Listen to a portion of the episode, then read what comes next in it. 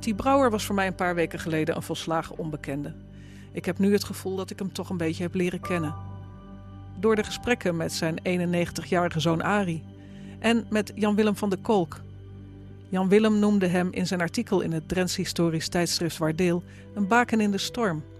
Een man die het verzet voorzag van een morele steun in de rug. Een adviseur, regisseur soms. Nooit gewapenderhand, maar wel met het woord. Onder de schuilnaam van Leeuwen hield hij talloze voordrachten in huiskamers en zaaltjes om de mensen geestelijk toe te rusten voor het verzet. Zogenaamde zendingsbijeenkomsten. Collega Lucas Koops leest voor uit een interview met Brouwer. Ik moest een keer met Johannes Post naar IJsselmonde bij Rotterdam. We hadden een bijeenkomst in het Noorse kerkje. Noorwegen had er voor zijn zeelieden een kerkje gebouwd met nevenlokaliteiten. We kregen niet direct door waar wij moesten zijn. We moesten ons eerst melden op een bepaald punt waar een jonge man stond die wist waar we moesten zijn. Dat waren allemaal maatregelingen om voorzichtig te zijn. Tijdens die bijeenkomst kwam er discussie. Johannes Post heeft daar een uiteenzetting gegeven. Het bleek dat er allemaal jonge jongens waren van ongeveer 25 jaar. KP'ers. KP betekent knokploeg. Die gewapend optraden tegen de moffen en de NSB'ers. Jongens waarvan de massa meende dat dit bruten waren. Jongens die het doldrieste werk deden. We kregen toen de vraag van een jonge man: Ik heb de opdracht om met mijn vriend vannacht een paar NSB'ers te arresteren. Deze NSB'ers hadden al een aantal onderduikers gedood en die waren een gevaar voor de rest. Hij had de opdracht om ze mee te voeren, een auto in te slepen en dan op een afgelegen plaats dood te schieten. Moeten we deze man, die we van kant moeten maken, dat van tevoren ook meedelen, zodat hij zich kan voorbereiden? Dat was het kader waarin ze dachten, en dat was het kaliber van deze jongens. Ook de vraag naar de legitimiteit van het verzetsgeweld gingen T. Brouwer en Johannes Post niet uit de weg. Mocht je andere mensen doden? Johannes Post leidde die overvallen niet altijd zelf. Ze zeiden wel tegen hem: Jij moet je een beetje afzijdig houden, want we kunnen jou niet missen. S'avonds kwam hij met de jongens bij elkaar. Ze hadden de plattegronden bij zich. De plattegronden en andere gegevens kwamen van de goede agenten. Informatie wie er wacht had, bijvoorbeeld. Voor spertijd moesten ze bij elkaar komen en dan gingen ze ook met elkaar op de knieën om te bidden. Ja, dat waren verzetslieden die zich ook afvroegen: mogen we dit wel doen? Ze hebben toen ook contact gehad met professor Donner en professor Rutgers uit Amsterdam. Dat was een bekende jurist met een theologische aanleg. Er gingen in die tijd ook stemmen op om een illegale rechtbank te benoemen, die het uit zou moeten maken. Professor Rutgers zei: Dat mogen jullie niet doen, want jullie hebben daartoe geen enkele bevoegdheid. Dat heeft alleen de Nederlandse regering in Londen. Die zou dat kunnen doen, omdat dat de wettige overheid is. Maar wat je wel mag doen, is het recht van zelfverdediging toepassen. Als er mensen zijn die je naar het leven staan en je aanvallen, dan mag je je verdedigen. En op die gronden zijn ze wapenderhand op gaan treden. En zo waren T. Brouwer en Johannes Post dus ook in een bepaald opzicht het geweten van het verzet. Ik zoek contact met het Onderduikmuseum in Nieuwlanden. Daar is op dit moment een speciale tentoonstelling gewijd aan Johannes en Marines Post. Ik ben benieuwd in hoeverre men daar eigenlijk afweet van T. Brouwer. Hanneke Roosema, ze is bestuurslid van het Onderduikmuseum, staat me via Skype te woord. De overeenkomst tussen de mannen, dat was dat T. Brouwer eh, AR-politicus was. Johannes was al wethouder in Oost-Hesselen, ook voor de AR. En zo hebben ze ook nog weer Jan Smallebroek, de overbuurman, uh, leren kennen. En als ik Geert Hoving, als ik dat boek, als ik daarop afga, dan hebben de mannen regelmatig een boom opgezet over de politieke situatie. En dit was nog voor de oorlog, was april 1940. Jan Smallebroek die ging later naar Amsterdam, redacteur van de Trouw, later minister Binnenlandse Zaken. T die ging in de oorlog, toen hij het niet meer eens was uh, nou, met de bezetter, heeft hij zijn baan opgezegd, is hij naar Den Haag gegaan. En Johannes moest op een bepaald moment zelf onderduiken en die ging naar Leiden. En daar hebben die drie mannen elkaar weer ontmoet. Johannes heeft daar een nieuwe knokploeg opgezet. En daar was. Brouwer wel bij betrokken. Jan Smallebroek ook, vanuit Trouw. De Trouwgroep die werkte samen met Johannes. Die was meer de, de architect, zou je kunnen zeggen, van de plannen die gesmeed werden. Hij was geen man die op de voorgrond trad, maar hij bedacht wel de plannen. En ik denk dat hij ook een soort vertrouwenspersoon voor Johannes was. Eén, uh, iemand waar hij zich goed bij voelde. Want ik uh, weet ook uit andere literatuur dat Johannes en Dien regelmatig nog bij T en zijn vrouw in Den Haag logeerden. Want Johannes en Dien die zaten ondergedoken bij Henk Post, de, de, broer van Johannes Post. Die woonde in Rijnsburg, vlakbij Leiden. Nou, steenworp afstand van Den Haag.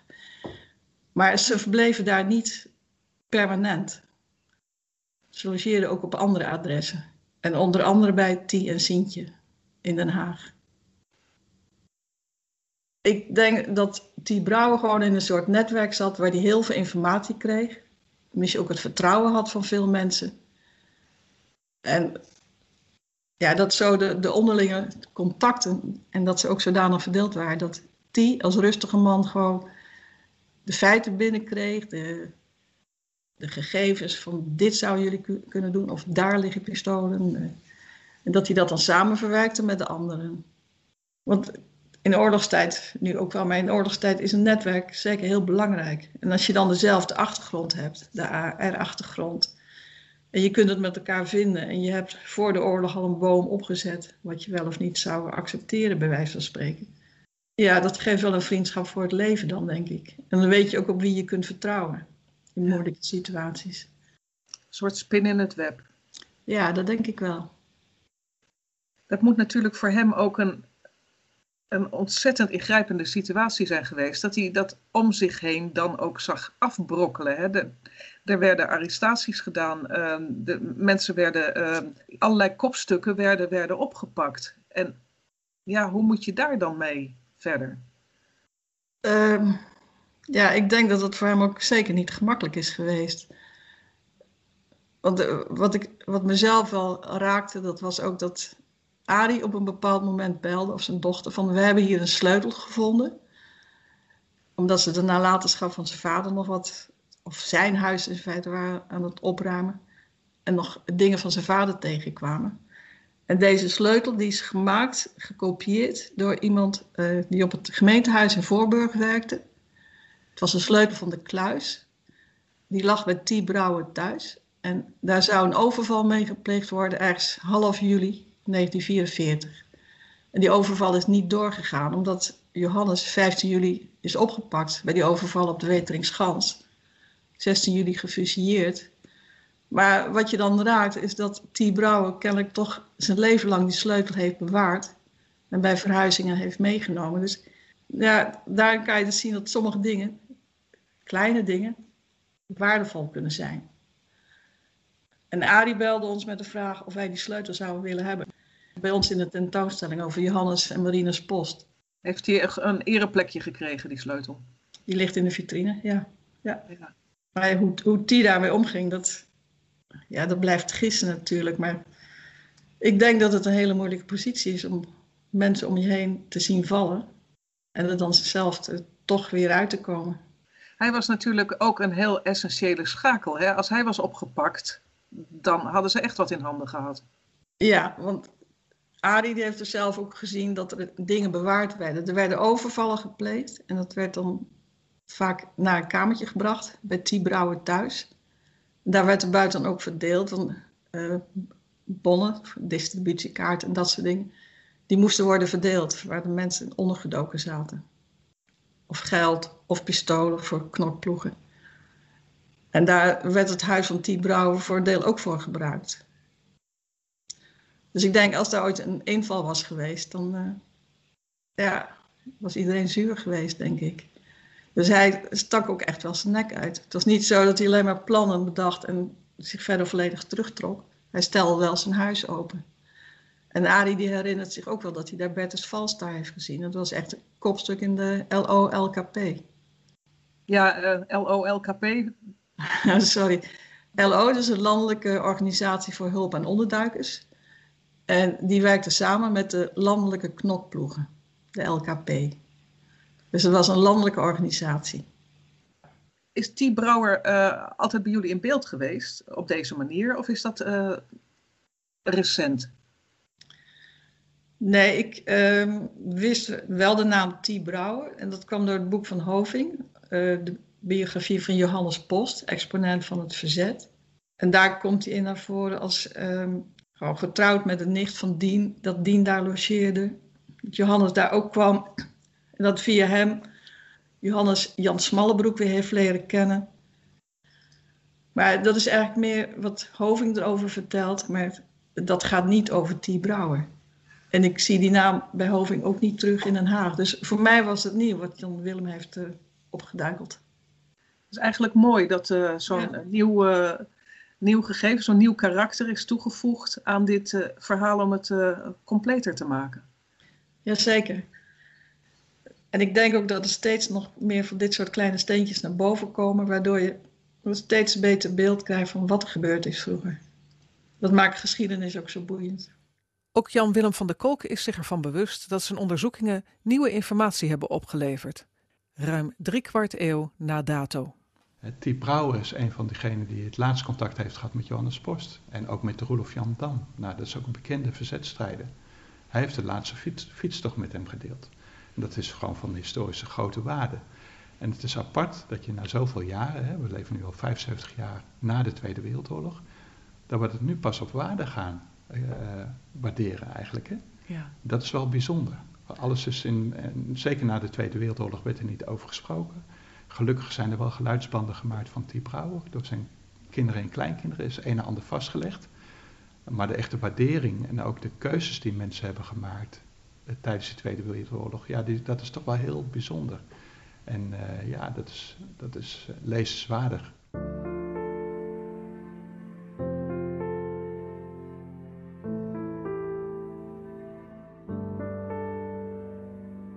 En dan blijft nog de vraag hoe ging het verder met T?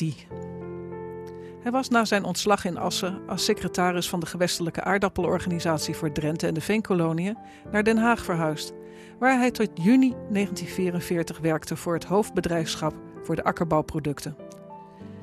Daarna ging hij, zoals dat heette, ondergronds. Het verzet vroeg hem om terug te gaan naar Assen op verzoek van Jan Smallebroek, om daar dokter Dam bij te staan. Mijn vader kreeg een briefje van uh, Jan Smallebroek dat het dringend gewenst was dat hij weer naar Drenthe kwam om uh, dokter Dam, die daar aan het werk was, uh, bij te staan. Uh, je moet zo snel mogelijk naar Noorden komen. Je kunt er al 14 dagen over doen, schreef hij. En voor onderdak is altijd te zorgen. Nou, en zo, zo zijn wij naar het noorden gekomen. En nou, dokter Dam die werkte dus, deed ondergronds werk daar. En mijn vader moest hem dus daarbij bij assisteren, daar kwam het eigenlijk op neer. Weet u ook wat uw vader samen met uh, dokter Dam allemaal ondernomen heeft? Nou, wat hij allemaal precies deed, weet ik niet, maar ze hielden zich wel bezig met de organisatie van het verzet. Ze gingen naar allerlei bijeenkomsten. Ze waren in Hogeveen, hadden ze s'avonds een keer gesproken voor een ja, zondagszendingscommissie, zoiets noemden ze dat, om de mensen geestelijk toe te rusten tot verzet. En de volgende morgen gingen ze samen op een fiets naar Groningen. En mijn vader zei toen tegen uh, dokter Dan, moet je toch eens kijken. Ja, je hebt een hele grote fiets, want hij was een, was een grote man. Met, met dubbele stangen. En je hebt nog uh, fietstassen waar uh, trouw uitsteekt. Dat, dat kan zo niet. Je moet, moet, in het geval moet je een koerier meenemen. Ach, zei dokter Dan, dat valt allemaal wel mee. Er zitten geheime tasjes zitten er in mijn fietstas.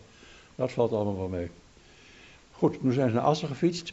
En daar zijn ze s'nachts nog gebleven. En de volgende dag gingen ze dus naar Groningen, naar een bijeenkomst voor het ondergrondse verzet. Om onderwijsverzet was dat toen in Groningen. En, uh, maar dokter Dam die moest nog even naar Zuid-Laren, dus mijn vader ging linksaf en hij ging rechtsaf. En na twee kilometer ongeveer in Loon is Dam aangehouden door de NSB'ers en ze vonden die, uh, die ondergrondse kranten in zijn, uh, in zijn tas. En die hebben hem toen naar het schooltehuis in, in Groningen gebracht. En daar is hij verhoord. En nou, na een korte tijd is hij toen. Dus mijn vader gaat de ene kant, die blijft leven. En dokter Dam gaat de andere kant langs en die fusilleren ze. Ja, zo is het gegaan. Dus hij is de laatste die hem... Uh... Ja, ja, ja, die, die hem uh, meegemaakt heeft. Ja. Roelof Jan Dam werd op 10 april gefusilleerd. Drie dagen voor de bevrijding van Assen. T. Brouwers eerste daad na de bevrijding was naar Assen gaan om bij de gevangenispoort vrijgelaten bekenden te verwelkomen. Van zijn hand verscheen twee maanden na het einde van de oorlog een eerbetoon aan Johannes Post, een artikel in de Nieuwe Drentse Courant. Daarin benadrukt hij dat Johannes ervan doordrongen was dat de strijd tegen het totalitaire nazi-beginsel alleen met succes en vruchtdragend kon wezen indien daar tegenover werd geplaatst het principiële verzet van het eveneens totalitaire christelijke beginsel.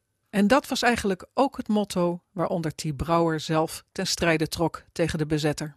Ja, de fundering van het verzet.